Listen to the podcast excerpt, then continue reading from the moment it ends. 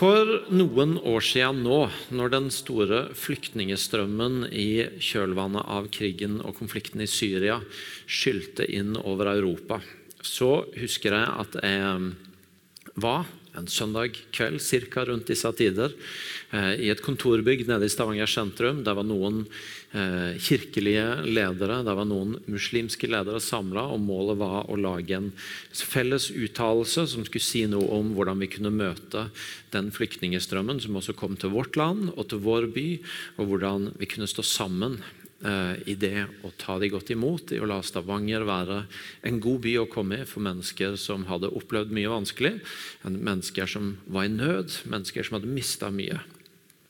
Og så husker jeg at Inn på det møtet så kom også en muslimsk leder som eh, også hadde en politisk rolle i byen. En mann som tilsynelatende hadde makt, hadde mange fora å tale inn i. Sånn sett var en sterk mann, om du vil. Men allikevel kom ganske sånn opprørt og tydelig såra inn i det møtet. Han kom rett fra arbeidsplassen sin. og Like i opptakten til at han hadde gått for å være med på det møtet, så hadde han passert en bås på arbeidsplassen sin hvor han hadde hørt noen si akkurat lavt nok til at det ikke gjalla rundt i rommet, men akkurat høyt nok til at han fikk det med seg. Jeg er muslimer. Og han var det som for oss var på en måte litt sånn på metanivå, sånn store linjer av hva gjør vi sammen for å møte dette, det var for han noe ganske personlig. Den frykten, den, eh, de holdningene som på en måte også kom opp i den sesongen og i den situasjonen, og som vi på en måte på et sånt prinsipielt nivå ønska å si noe om og uttale oss om, det var for han noe ganske personlig som han møtte, og som ramma han. Et par år tidligere så hadde jeg sammen med Martin og Terje her fra huset vært en historie som vi har fortalt mange ganger. og Martin var innom den forrige søndag òg, så jeg skal ikke dra hele, men vi hadde tatt opp en kollekt til barne- og ungdomsarbeid blant, eh, blant muslimsk barn og, ung, barne og ungdom. Eh, og vi var nede i moskeen, vi traff muslimske ledere. Vi spiste kake med dem, vi drakk kaffe med dem, vi snakka med dem, vi overrakte gaven som denne menigheten hadde gitt. Og så husker jeg hvordan en av dem sa med litt sånn ydmykelse i øynene Hvorfor er det sånn at hver gang jeg, gjennom, jeg, skal gå gjennom sikkerhetskontrollen på flyplassen, så må jeg gå en gang eller to ekstra, mens dere som ser norske ut, bare kan gå rett igjennom. Og så vet jeg ikke om du har noen sånne historier, om du har møtt noen som har fortalt lignende historier, eller om du har sett noe sånt spille seg ut på arbeidsplassen eller i nabolaget eller et eller annet sted du tilfeldigvis var, eller om du har opplevd sjøl at litt sånn uventa så kom noe opp i du av holdninger, av responser, som du kanskje egentlig ikke hadde så lyst til at skulle være der, men som allikevel kom opp. Sånne historier, enten de jeg nevnte nå, eller ting du måtte ha erfart, det kan du jo på den ene sida se på som tilfeldige historier. Ja, ille nok når det skjedde, men litt sånn anekdotisk. Ok, det opplevde men hva betyr det? Hvor mye sier det? Er det sånn det er for alle? Er dette et stort bilde, eller, eller var det en litt sånn spesiell hendelse du dumpa borti? En kan på en måte lure på var det bare en historie, eller sier det noe mer? Det er i hvert fall sånn at I 2020 så, så den norske regjeringa behov for å legge fram en tiltakspakke eller en handlingsplan mot, som, som gikk på å ta tak i diskriminering og hat mot muslimer. Og Noe av det som er grunnlagsmaterialet i den handlingsplanen, den studie som ble gjort i 2017, som handla om holdninger til jøder og muslimer i Norge. Og I den studien nå må jeg bare se litt her og lese litt, for, sånn at jeg gir dere riktige tall og reelle tall. Så av de nordmennene som responderte i den studien, så ga 27% uttrykk for muslimfiendtlige holdninger. 27% altså over en fjerdedel av den norske befolkningen, ga uttrykk for muslimfiendtlige holdninger. Og I den rapporten så kommer det fram at ca. 35% av muslimene ofte eller noen ganger er blitt gitt følelsen av at de ikke hører til i det norske samfunnet. 27% har opplevd at personer oppfører seg avvisende mot dem når de får vite om deres religiøse tilhørighet. 14% har blitt utsatt for direkte trakassering. Og nesten halvparten av de som besvarte undersøkelsen, støtter påstanden om at muslimer sjøl har mye av skylda for økende muslimhets. Med andre ord 35 av muslimer som gir uttrykk for en opplevelse, ofte eller noen ganger, av å føle seg på utsida. Av å ikke høre hjemme, av å ikke høre til. Og samtidig nordmenn på andre sida av bordet, hvor halvparten sier dere har i grunnen mye av skylda for det sjøl. Det er egentlig en ganske røff, røffe tall å ta inn over seg. I mars 2021 så hadde FNs spesialutsending for noe av dette med religionsfrihet, religionsforfølgelse å gjøre, la fram en rapport som sier at islamofobien i verden har nådd, har nådd episke høyder og, og, og har vært i skarp vekst. Og så er det masse andre tall jeg kunne vist til, og undersøkelser men jeg tror dere tar poenget. Blant annet er det undersøkelser som viser noe av de helsemessige og de psykiske helseeffektene av å oppleve å bli satt på utsida, av å oppleve å møte frykt, diskriminering, denne type holdninger. Men jeg tror dere tar poenget. På den ene sida er det enkeltepisodene, enkelthistoriene, som jeg har møtt, som du kan møte, eller som vi av ulike grunner kan gå klar av. På den andre sida er det det store bildet av det som lever i samfunnet vårt, i vårt land og i verden rundt oss. Og så er spørsmålet hva betyr sånne tall og sånne historier for oss som samfunn? Hva betyr det? Hva gjør det med oss? Og hvor er vi om 20 år hvis denne snøballen får lov til å fortsette å rulle. For det er En kunne jo tenke at ja, nå har vi levd med en, en, en, en, virkelighet med mange forskjellige kulturer i landet vårt i en god del år. Det begynner vel å gå seg til etter hvert. Vi blir vel vant til det. Vi finner vel ut av det. Men tallene viser ikke at det blir bedre, tallene viser at det blir verre. Det er ikke sånn at dette ser ut til å bare gå seg til av seg sjøl etter hvert som vi blir vant til det. Det ser ut til at frontene blir hardere. Og Da er spørsmålet hva betyr det for oss som samfunn? Hvor er vi på vei? Og for oss som kirke, som er veldig glad i en tekst i Matteus 5 vi har allerede talt to ganger over den teksten i høst. Og Jeg skal ikke tale over den igjen i kveld, men jeg har lyst til å lese den for dere nå. Der sier Jesus til sine disipler. Dere er jordens salt. Men hvis saltet mister sin kraft, hvordan skal det da bli gjort til salt igjen? Det duger ikke lenger til noe, men kastes ut og tråkkes ned av menneskene. Dere er verdens lys. En by som ligger på et fjell, kan ikke skjules. Heller ikke tenner man en oljelampe og setter den under et kar. Nei, man setter den på en holder, så den lyser for alle i huset. Slik skal deres lys skinne for menneskene, så de kan se de gode gjerningene dere gjør, og prise deres Far i himmelen. Dere er jordas salt. Dere er verdens lys. Hva betyr det for oss som kirke hvis Jesus har satt oss til å være jordas salt, til å være verdens lys? Hva betyr den virkeligheten jeg nettopp har beskrevet for oss som kirke?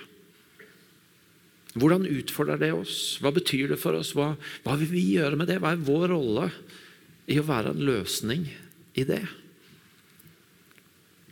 Når vi drar i gang en sånn serie, kaller den 'Brobygger', med undertittelen 'Elsk muslimer', så møter vi som er i denne salen, vi som er i denne kirka, det fra veldig forskjellige vinkler.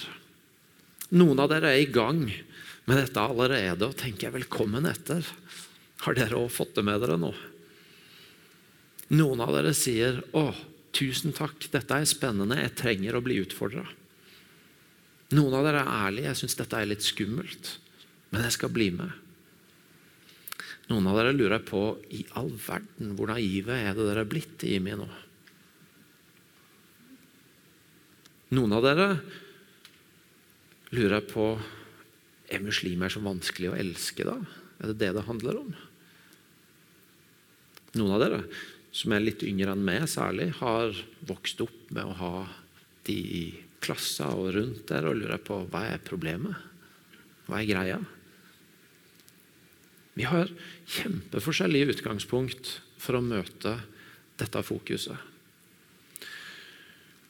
Og så er ikke problemstillinga om Gud elsker muslimer. Det gjør han. Det vet vi. Det ligger, har du, har, har du fått tak i litt av evangeliet, litt av Bibelens budskap, så vet vi det. At Gud er skaperen av alle ting og alle mennesker. Hele jorda tilhører Han. Han elsker alle. Og så har noen av dere lurt på, for vi begynte med undertittelen eh, 'Hvordan elske muslimer'. Og noen av dere har lurt på ja, er de så vanskelige å elske at vi må gå på kurs.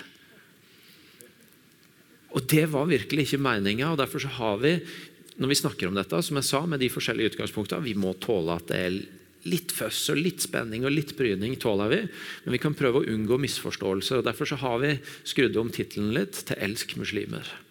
For det er ikke der det, det, Problemet ligger ikke hos de heller. Men utfordringa er at uavhengig av hva som er eller du måtte ha som holdninger eller meninger rundt det med muslimer, så er det veldig mye som tyder på at vi som samfunn har ikke lykkes med å komme igjennom et budskap til de om at dere er velkomne her. Dere er verdifulle. Vi har lyst til å se dere trives i vår by, i vårt land. Vi har lyst til å se dere finne vår plass. Det kan godt hende at du har enkelthistorier på at du har fått være med på en sånn reise, og det er nydelig. Amen. Der du er en av frontrunnerne. Men som samfunn, når jeg leser de tallene for dere som jeg gjorde i stad, så er det ganske mye som tyder på at som samfunn så har ikke vi lykkes med å komme igjennom med et velkommen til disse menneskene. Og Det utfordrer oss. Det utfordrer oss som samfunn, og det utfordrer oss som kirke. Og hvem er vi som lys og salt i denne verden i møte med en sånn utfordring. Hva er vår respons? Hva er det vi skal bidra med i møte med en sånn utfordring? Jeg tror at det er ganske mange i dette rommet og i denne kirka som har, om kall det gjerne, de rette meningene.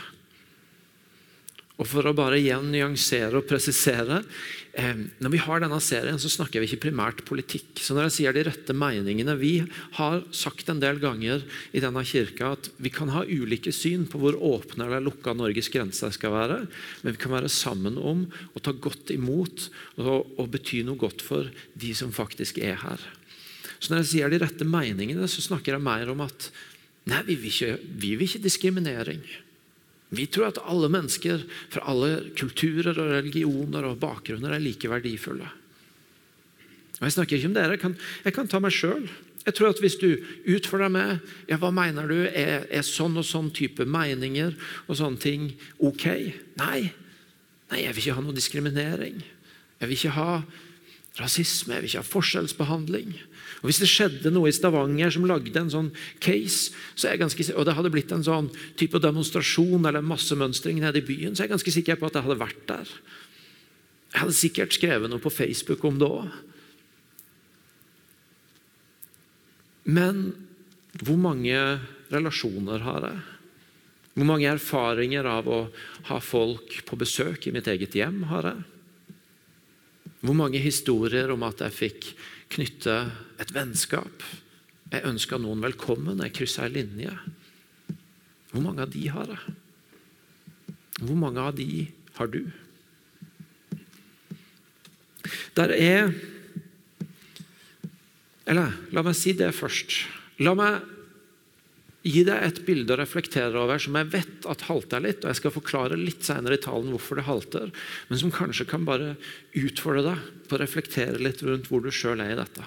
Hvis du har to naboer, og den ene er norsk og ser lik ut som deg, snakker likt som deg, forstår alt du sier, kler seg likt som deg, har de samme kulturelle referansene som deg Når du kommer inn i huset, så lukter det ganske likt som det lukter i ditt eget hus. Og så har du en nabo som ser litt annerledes ut, kler seg litt annerledes, er på et litt annet sted språklig, har litt andre kulturelle referanser. Kanskje smaker maten litt annerledes, eller det lukter litt annerledes i huset. Hvem er det du går først til for å bygge en relasjon med? Overfør det gjerne til hvis du er arbeidsgiver og du står med to like og skal ansette. Hvem velger du? Eller på studieplassen du skal skrive gruppeoppgave. Hvem velger du å skrive med? Og så videre. I Galaterne 5-6 Jeg har én tekst til dere i dag. og Det er ikke en lang tekst, det er én setning egentlig jeg har lyst til at du skal huske fra Bibelen i kveld. Der skriver Paulus um, For i Kristus Jesus kommer det ikke an på om en er omskåret eller uomskåret. Her gjelder bare tro som er virksom i kjærlighet. Her gjelder bare tro som er virksom i kjærlighet. Tro som er virksom i kjærlighet. Virksom. Det beskrives en kjærlighet som er virksom, som er aktiv, som ikke sitter passivt og har de rette meningene, men som er aktiv, som er virksom, som, som utretter noe.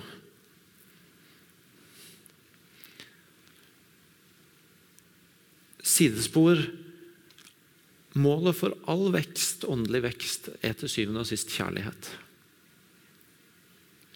Når Jesus skal oppsummere alt av lover og bud i Bibelen, så sier han det handler om to ting. Å elske Gud og å elske de neste som deg sjøl. Når Paulus skriver om kjærligheten, så sier han du kan ha alt av nådegaver, du kan ha flammende profetiske ord, du kan ha den sterkeste tungetale, men hvis du ikke har kjærlighet, så har du ingenting.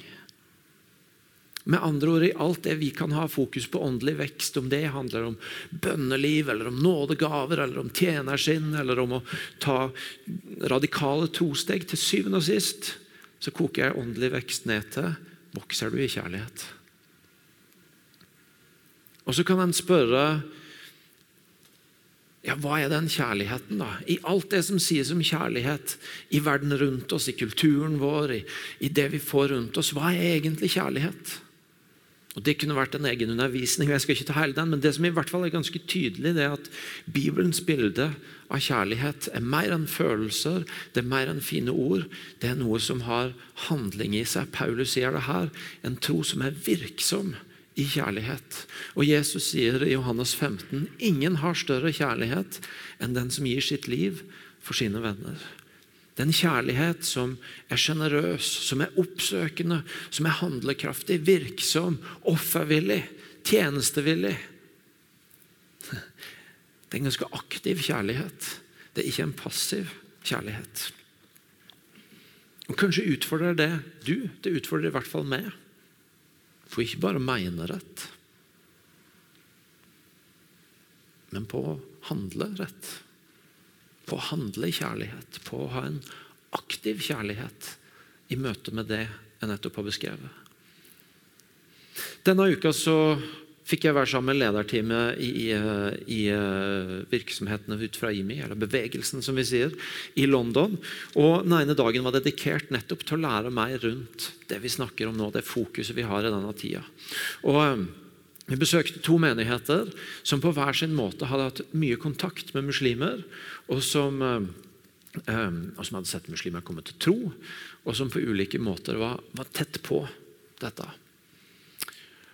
Og Det var fascinerende å sitte i to forskjellige rom med to forskjellige menigheter som, som møtte dette to, og snakka om dette på to ganske forskjellige måter. Først så var vi ute i en menighetsplanting eh, som heter All Hallows Bow. En menighetsplanter som heter Chris Rogers. Han kommer og skal tale på Åpen himmel i januar. Fantastisk formidler. De har planta en menighet i en bydel i London hvor det 60% av befolkningen er muslimer. Veldig mange av de andre er litt sånn up and coming finansfolk som bor der fordi det er kort å pendle til jobb.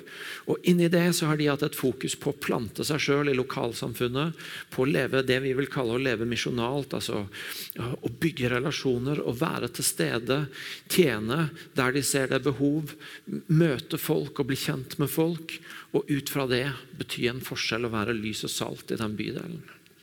Og Når han snakka om dette, så snakka han om dette fra et relasjonelt perspektiv. Fra et tjenesteperspektiv. fra Hvordan ser det ut å bygge relasjon og være venn og tjene inn i møte med mennesker. Han snakka ikke sånn rosenrødt og romantisk om det. Han var ganske ærlig på utfordringer som hadde oppstått underveis, og, og ting hvor det kunne være spenninger. Men han hadde et veldig relasjonelt perspektiv og fortalte inn i det om hvordan de både hadde fått komme i kontakt med folk, bygge relasjon, lære om hverandre, se noen komme til tro, få lov til å stå sammen med noen om andre ting. Og på den måten være med å bygge noe i den bydelen. Litt senere på dagen så satt vi i en helt annen menighet, som også hadde mye kontakt med muslimer, sett flere komme til tro. Og de snakka om det på en helt annen måte. De snakka om på et metanivå, om du vil, på, som, nei, på islam som ideologi. På alle punktene hvor islam og kristendom dunker mot hverandre. På alle de vanskelige sidene ved det tankesettet som ligger under islam. Og Det var en ganske annen stemning og en ganske annen tone i de to forskjellige rommene. Og så var det utrolig interessant at allikevel, når de kom til konklusjonen For det om de kom til det fra så forskjellige vinkler, så sa begge det samme. Nemlig at svaret for oss som kirke må jo være å elske. Enten de kom til det fra et om du vil, litt mer lysere og relasjonsfokusert perspektiv, eller de kom til det fra et mer alvorstungt og litt sånn konfliktaktig perspektiv, så sier begge to men uansett for oss som kirke så er det bare ett svar, og det å elske mennesker. Og jeg tenker at det er noe av det som skal få utfordre oss Uavhengig av hvor vi kommer fra, og hva som er vårt innsteg til dette fokuset og til den tematikken vi snakker om, det er at som kirke så har vi et kall til å elske mennesker. Og Så kan du spørre er en muslim en muslim. Er det fair å snakke om de som ei gruppe? Er ikke de like forskjellige som alle andre mennesker? Og selvfølgelig er de det. Selvfølgelig er de det de er for det første skapt like unikt, unike av Gud som hver og enkelt av oss i dette rommet. De har også sine ulike historier. Veldig forskjell på å blitt født i Norge, inn i en muslimsk familie, bodd hele sitt liv her, og på for å ha kommet hit på flukt. Med alt det det bærer med seg. Eksempel. Og ikke minst så er Islam en religion som strekker seg over et bredt geografisk felt. og Det betyr at den kulturelle bakgrunnen er kjempeforskjellig. Det er nå igjen skal jeg sjekke at jeg sier rett tall, det er 2157 distinkte muslimske kulturer og folkegrupper. Det betyr at det er et ganske stort spekter. Og akkurat på samme måte som det er god sannsynlighet for at du vil ha en ulik opplevelse om du møter en av våre brød, kristne brødre og søstre i Kambodsja, eller du møter en sør-vest-rogalandsk kristen her i Stavanger, så oppleves det ganske forskjellig. Så er det selvfølgelig masse forskjeller. Og så er det allikevel sånn at Når virkeligheten er den jeg beskrev i stad, så sier det noe om at for noen så forblir allikevel disse menneskene en kategori. En merkelapp, en gruppe. Og der er egentlig bare ett svar på å komme forbi kategoriene, gruppene,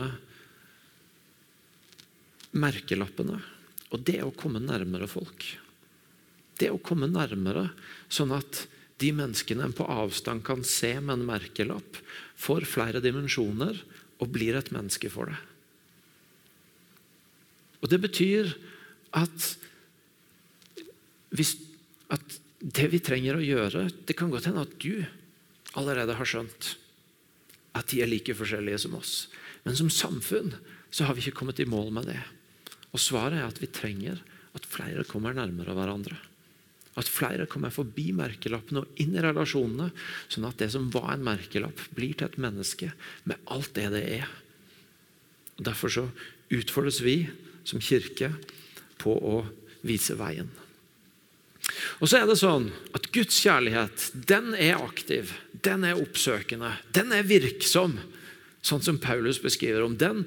Den handler, og den leiter, og den finner.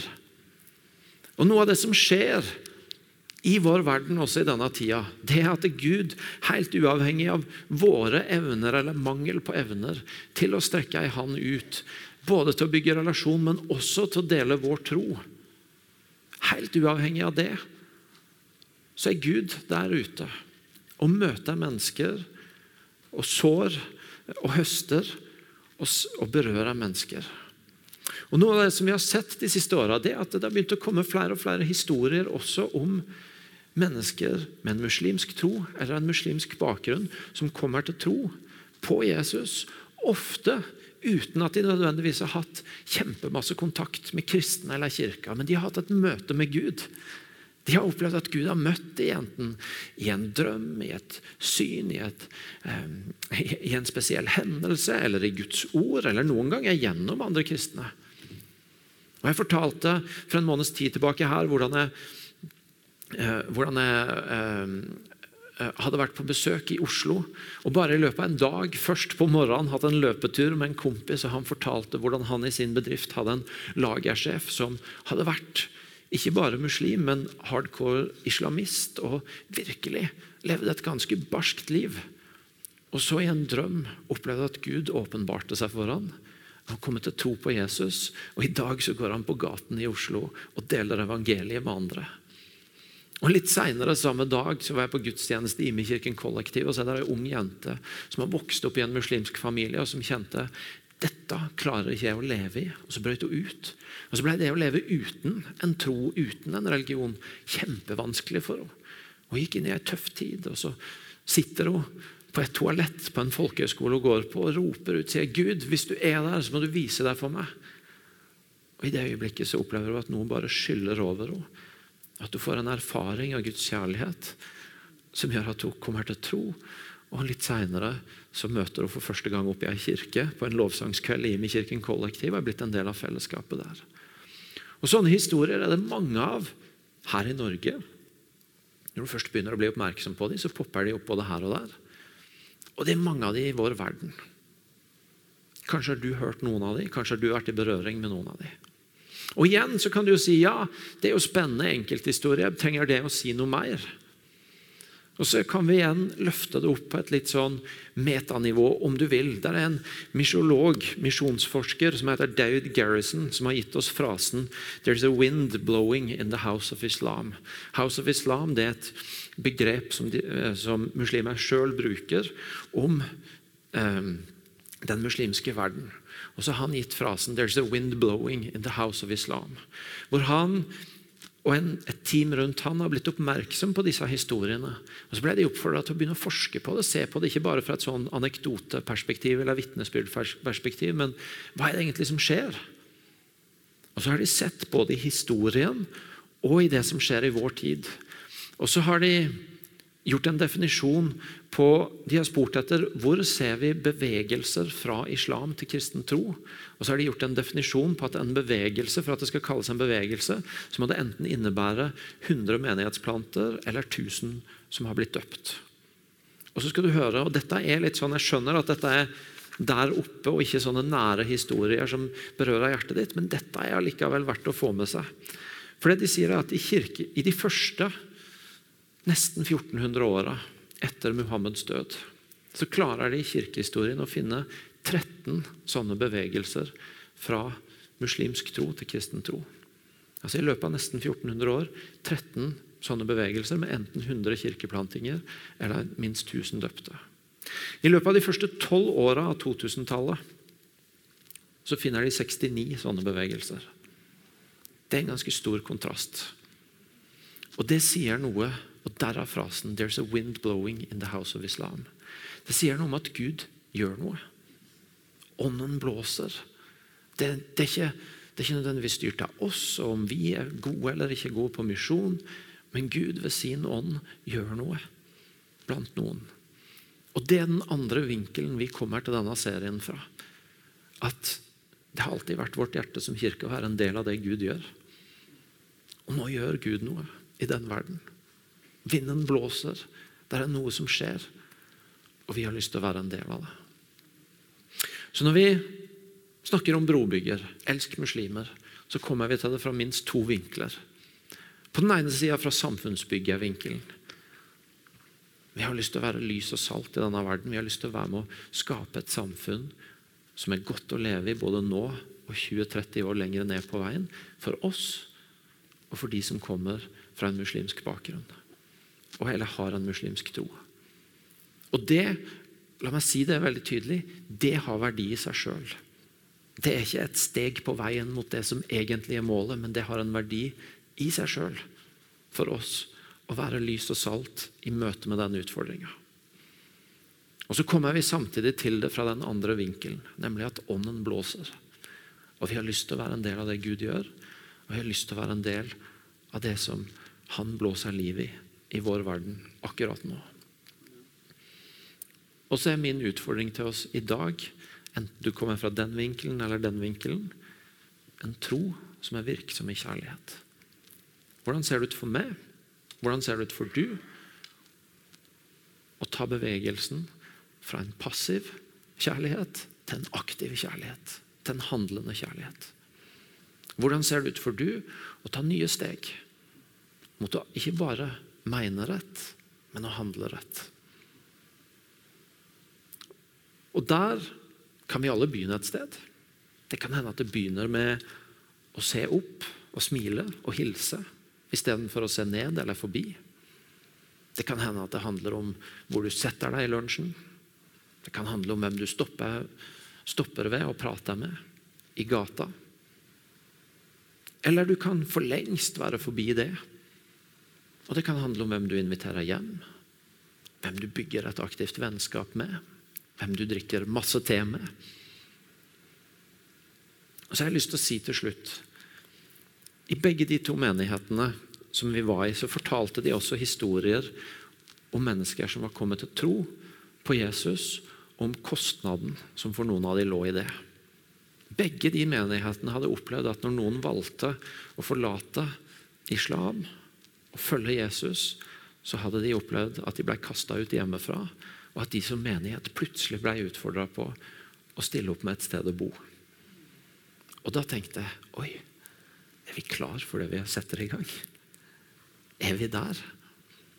Én ting er å utfordre på å smile eller drikke te. Noe annet er på å åpne hjemmet. Og Da tenker jeg at jo, alle kan vi begynne et sted. Og alle har vi antageligvis noe vi kan utfordre oss, la oss utfordre av og ta neste steg på. Kanskje lurer du på hvordan det ser ut. Da anbefaler jeg deg å bruke tid i den boka vi har anbefalt i denne serien, eh, til naboer og nasjoner. Av en eller annen grunn så er de bøkene som ikke er blitt solgt de to forrige søndagene, sporløst borte akkurat nå. Så det betyr at vi kan ikke tilby den i kveld, men eh, neste søndag skal vi sikre å ha den tilbake. Og klarer du ikke å vente, så stikk innom kontoret i løpet av uka, så skal vi fikse det for deg. Hvordan skjer denne prosessen? Den skjer selvfølgelig gjennom at vi alle legger hjertet vårt framfor Gud og ber Han, kjære Gud, gi meg en tro som er virksom i kjærlighet.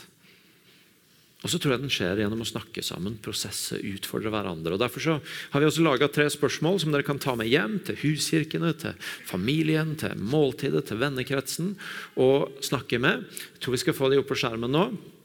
Håper i hvert fall det. For jeg husker de ikke i hodet.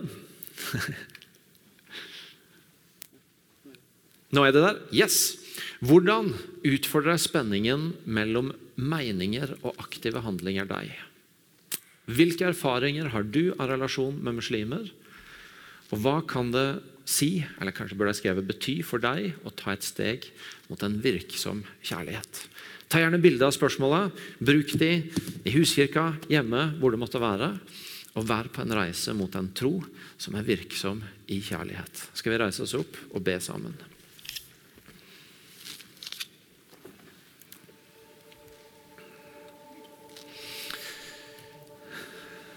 Jesus, takk for at du kom og viste oss en handlende tro. En offervillig tro, en oppsøkende kjærlighet. Hm, det var det jeg mente å si til deg, Jesus. En oppsøkende kjærlighet, en handlende kjærlighet. En offervillig kjærlighet. Takk for at du kom og viste oss det. Jeg ber deg om at du leder oss til å vokse i det. Som kirke, som fellesskap og som enkeltmennesker. Led oss neste steg, Jesus, mot en virksom kjærlighet. Mot en oppsøkende kjærlighet, mot en handlende kjærlighet. Og du ser alle våre ulike utgangspunkt og innfallsvinkler til dette. Led oss fra der vi er, til der du ønsker å ha oss med.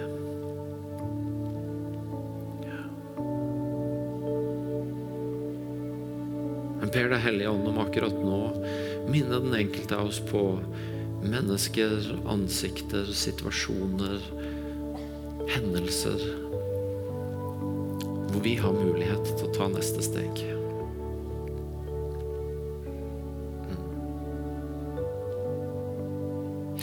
Takker jeg Deg, Hellige Ånd, for at din vind blåser. Og den blåser inn på de stedene hvor kirka i mange hundre år har opplevd at det nesten ikke var noe rom. Så kommer du, og så skjer det noe nytt. Vi har lyst til å være med på det du gjør, Hellige Ånd. Vis oss hva det betyr. Vis oss hvordan det ser ut for oss. La oss få tak i historiene som gir kjøtt og blod til det du gjør.